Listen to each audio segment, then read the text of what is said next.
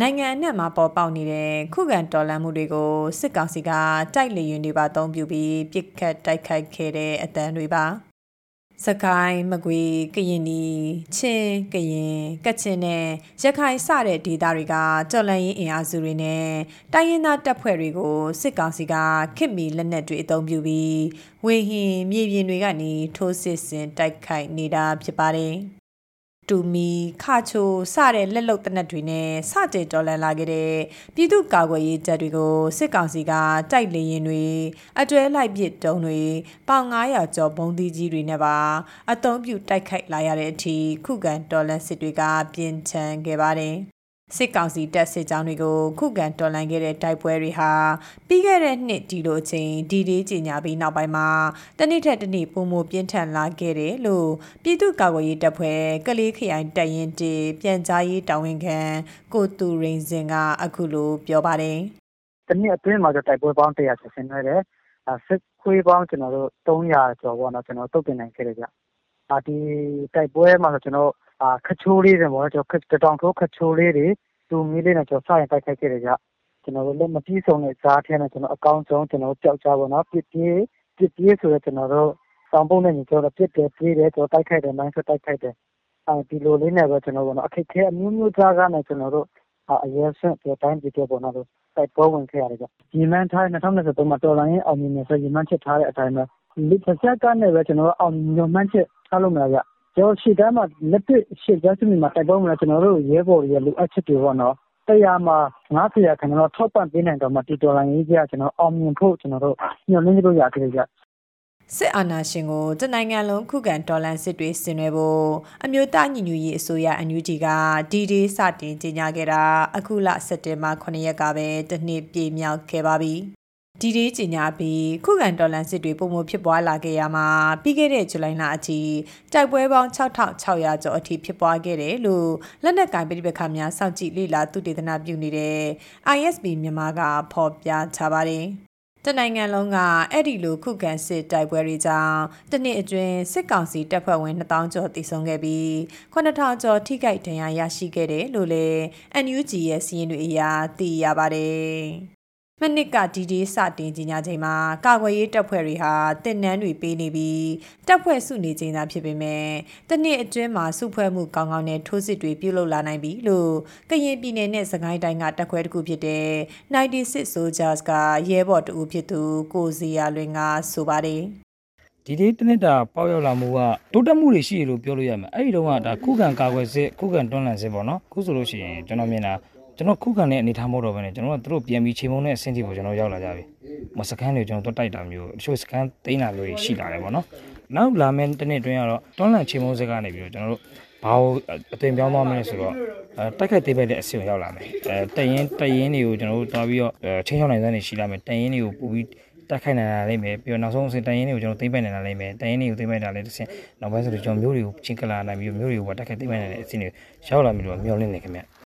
စစ်ကောင်စီတပ်တွေကိုဒေသအလိုက်ပြည်သူ့ကာကွယ်ရေးတပ်တွေနဲ့မြို့ပြယူကြီးအဖွဲ့တွေကရရလက်နက်ပစ္စည်းတွေနဲ့ခုခံတော်လှန်နေခဲ့ကြရတာပါဒီလိုလက်နက်အင်အားမမျှတတဲ့အခြေအနေမှာပဲလေကြောင်းကနေစစ်တပ်ရဲ့ပစ်ခတ်ပုံကျဲမှုတွေလက်နက်ကြီးပစ်ခတ်မှုတွေကြောင့်ပြည်သူ့ခုခံစစ်တနည်းအတွင်း PDF တွေနဲ့မဟာမိတ်တိုင်းရင်းသားတပ်ဖွဲ့ဝင်1500ကျော်အထိကြဆုံးခဲ့ရပါတယ် နိုင်ငံရေးအကျဉ်းသားများကူညီဆောင်ရှောက်ရေးအသင်း AAPP စီးရင်တွေမှာတော့2021ခုနှစ်ဖေဖော်ဝါရီလတရက်စစ်တပ်အာဏာသိမ်းချိန်ကစပြီးအခုစက်တင်ဘာလအထိ2200ကျော်ကြာဆုံးခဲ့ပြီး12000ကျော်ဖမ်းဆီးခံခဲ့ရတယ်လို့ဖော်ပြထားပါတယ်။အဲ့ဒီထဲမှာမြို့ပြယူကြီးတွေစီးနှင်းခံရမှုဖြစ်စဉ်အတွင်းဖမ်းဆီးခံရသူနဲ့တပ်ဖြတ်ခံရသူတွေဟာရာချီခဏအထိပါဝင်ပါတယ်။ လက်ရှိခုခံဒေါ်လာစစ်တစ်နှစ်ပြည့်ချိန်မှာတော့အရွေးတစ်ခုဖြစ်လာပေမဲ့လက်နက်အင်အားမပြည့်စုံမှုတွေကိုပုံမဖြည့်ဆည်းပေးစေခြင်းနဲ့လို့တောင်းဆိုလာကြတဲ့ထဲမြို့ပြယူကြီးလှုပ်ရှားအဖွဲ့တွေလည်းပါဝင်ပါတယ်မြို့ပြယူကြီးရဲဘော်တူဖြစ်သူဒီဒီကဒီဒီကြီးညာတာကတစ်နှစ်ပြည့်ပြီဆိုတော့အရွေးရတော့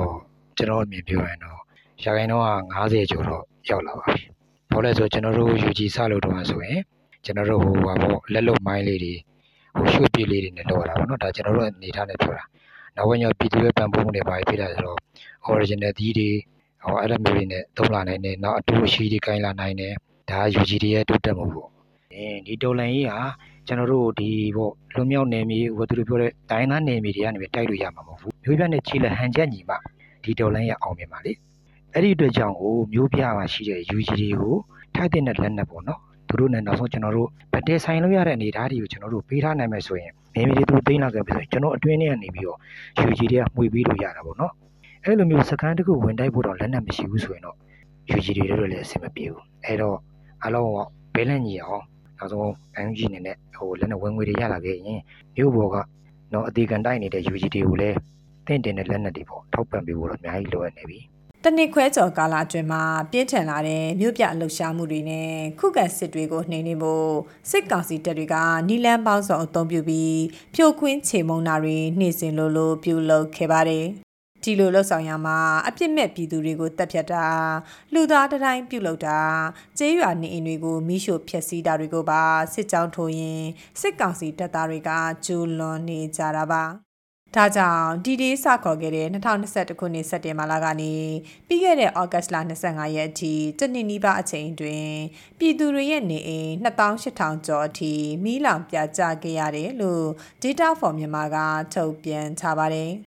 NUG အနေနဲ့တော့ဝယ်ယူထားတဲ့စစ်လက်နက်ပစ္စည်းတွေကို6ပုံတပုံလောက်ပဲကာကွယ်ရေးတပ်ဖွဲ့တွေစီထောက်ပံ့ပေးနိုင်ခဲ့ပြီးတည်ယူပို့ဆောင်ရေးကိစ္စတွေမှာကြက်ကြမှုရှိနေတယ်လို့ပြီးခဲ့တဲ့ဂျွန်လသတင်းစာရှင်းလင်းပွဲမှာသတင်းချက်လက်နဲ့ဤပညာဝန်ကြီးဦးထင်လင်းအောင်ကထုတ်ဖော်ပြောဆိုထားပါတယ်။ဒီလိုအခြေအနေတွေကြောင့်ဒေသခံကာကွယ်ရေးတပ်ဖွဲ့တွေဘက်ကို90ရာခိုင်နှုန်းအခြေအနေတောင်မရောက်ခဲ့ဘူးလို့ကာကွယ်ရေးတပ်ဖွဲ့တွေစီကသိရပါတယ်။ ခုခံစစ်ကာလအတွင်းတစ်ဖက်မှာစစ်ကောင်စီတပ်တွေကိုမိုင်းဆွဲတိုက်ခိုက်မှုတွေနဲ့တွန်းလှန်ချနိုင်ပေမဲ့တစ်ဖက်မှာတော့ပြည်သူတွေရဲ့နေအိမ်တွေမိရှုဖျက်ဆီးခံနေရတာကိုကာကွယ်ပေးနိုင်ဖို့လိုအပ်နေပါတယ်။ဒီလိုကာကွယ်နိုင်ဖို့ဆိုရင်ကြားကာလအစိုးရအန်ယူဂျီအနေနဲ့ကာကွယ်ရေးတပ်ဖွဲ့တွေကိုလက်နက်တပ်ဆင်ပေးဖို့လိုအပ်တယ်လို့နောက်ထပ်ပြောလာသူကရွှေဘိုခရိုင်ဒီပဲရင် PDF တပ်ရင်း21ကပြောရေးဆိုခွင့်ရှိသူပါ ဒီလက်နက်တပ်ဆင်ရေးပိုင်းမှာတော့သူတို့ ဒီတရင်မြို့နယ်မှာ ဒီသူတို့တရင်လေးချင်းနဲ့ ပတ်သက်ပြီးတော့ ပြောရမယ်ဆိုရင်တော့ အားရစရာရှိနေမှာ မရှိဘူးသူတို့လည်းအဲကာကွယ်ရေးဝန်ကြီးဌာနအနေနဲ့ လက်နက်တပ်ဆင်ပေးမှုပိုင်းက ဒီတိုင်းကြီးဆက်သွားမယ် တပ်ဆင်မပေးနိုင်သေးဘူးဆိုရင်တော့ပုံမှန်လေးလေးပြောရရင် လက်ရှိ ဒီတရင်တွေမှာ ကြုံနေရတဲ့အဲအနေထားက လက်နက်မရှိတဲ့ခါ မောင်းမြန်လက်နက်ရှိမရှိတဲ့ခါမှာတရင်ရဲဘော်တွေကနှုတ်ထွက်ကြတယ်ဗျတရင်ရဲဘော်တွေကဒီမောင်းမြန်ရှိတဲ့တရင်တွေ သွားပေါင်းတာရှိတယ်ဗျတချို့ဆိုလူကေခိုင်လိုက်တယ်လူပဲပြောင်းသွားကြတယ်ရှိတယ်ဗျတချို့ဆိုရင် နိုင်ငံခြားထွက်သွားတာရှိတယ်ဗျတရင်ရဲ့ တပ်ရင်းတိုင်းမှာ အင်အားတွေလျော့နည်းလာတယ်ပေါ့ဗျာ။ဒါလက်ရှိကြုံနေရတဲ့ အတွေ့အကြုံပေါ့နော်။အဲလိုပဲဒီကာကွယ်ရေးဝန်ကြီးဌာနက လက်နက်တပ်ဆင်ရေးပိုင်းမှာ လာမယ့်နှစ်မှာမှ ထူးခြားမှု တစုံတခုမရှိဘူးဆိုလို့ရှိရင်ဒီပြည်သူတွေရဲ့ အသက်အိုးအိမ်စည်းစိမ် ကာကွယ်ဖို့ မပြောနဲ့ဗျ။တပ်ရင်းတွေ ရပ်တည်ဖို့တောင်မှ တော်တော်ခက်ခဲမယ်လို့ ထင်ပါတယ်ဗျ။အခုလို ပြည်သူ့ကာကွယ်ရေးတပ်တွေရဲ့ ခုခံမှုတွေကြောင့် တနိုင်ငံလုံးမှာ နယ်မြေ90ရာခိုင်နှုန်းကျော်ကို စိုးမိုးထားနိုင်ပြီလို့ NUG က ထုတ်ပြန်ထားပါတယ်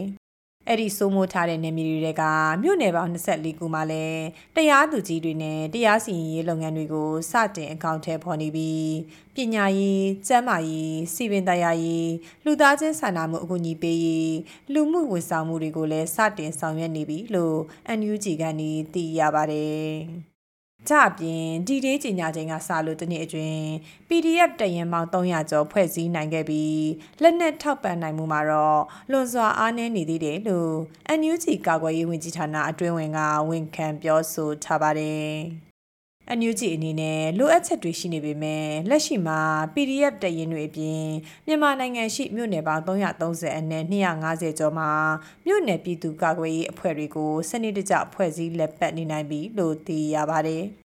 NUG ကာကွယ်ရေးဌာနကွက်ကဲမှုအောက်မှာရှိမနေသေးတဲ့ဒေတာအလိုက် PDF အဖွဲ့တွေကိုလည်းချိတ်ဆက်ဆောင်ရွက်နိုင်ပြီဖြစ်တယ်လို့ NUG ယာယီသမရာဒူးဝါလရှိလာက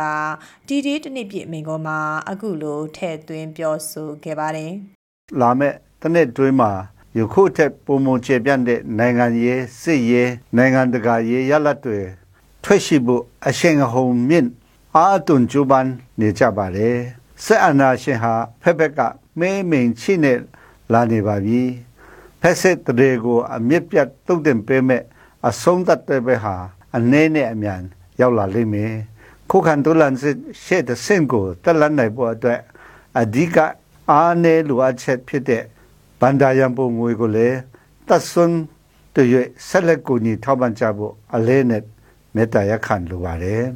ကြီးကြီးကျင်ညာပြီးနောက်ပိုင်းခုခံတော်လှန်စစ်ကာလအတွင်းစစ်ကောင်စီတပ်တွေရဲ့ထိုးစစ်တွေကြောင့်စစ်ပေးရှောင်ပြည်သူ10သိန်းကျော်အထိရှိလာနေပါပြီ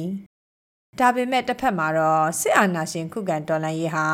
ကောင်းမွန်တဲ့အရွေးတစ်ခုဖြစ်နေပြီလို့ပြည်သူတွေကတော့ယုံကြည်ရင်အာဏာရှင်အမြင့်ပြတ်ရေးပန်းနိုင်ရောက်ဖို့အခက်အခဲတွေကိုတောင့်ခံရင်ဆိုင်နေကြဆဲပါ။ဒီသတင်းဆောင်မကိုတန်လင်ခက်ကပေးပို့ထားတာဖြစ်ပါတယ်။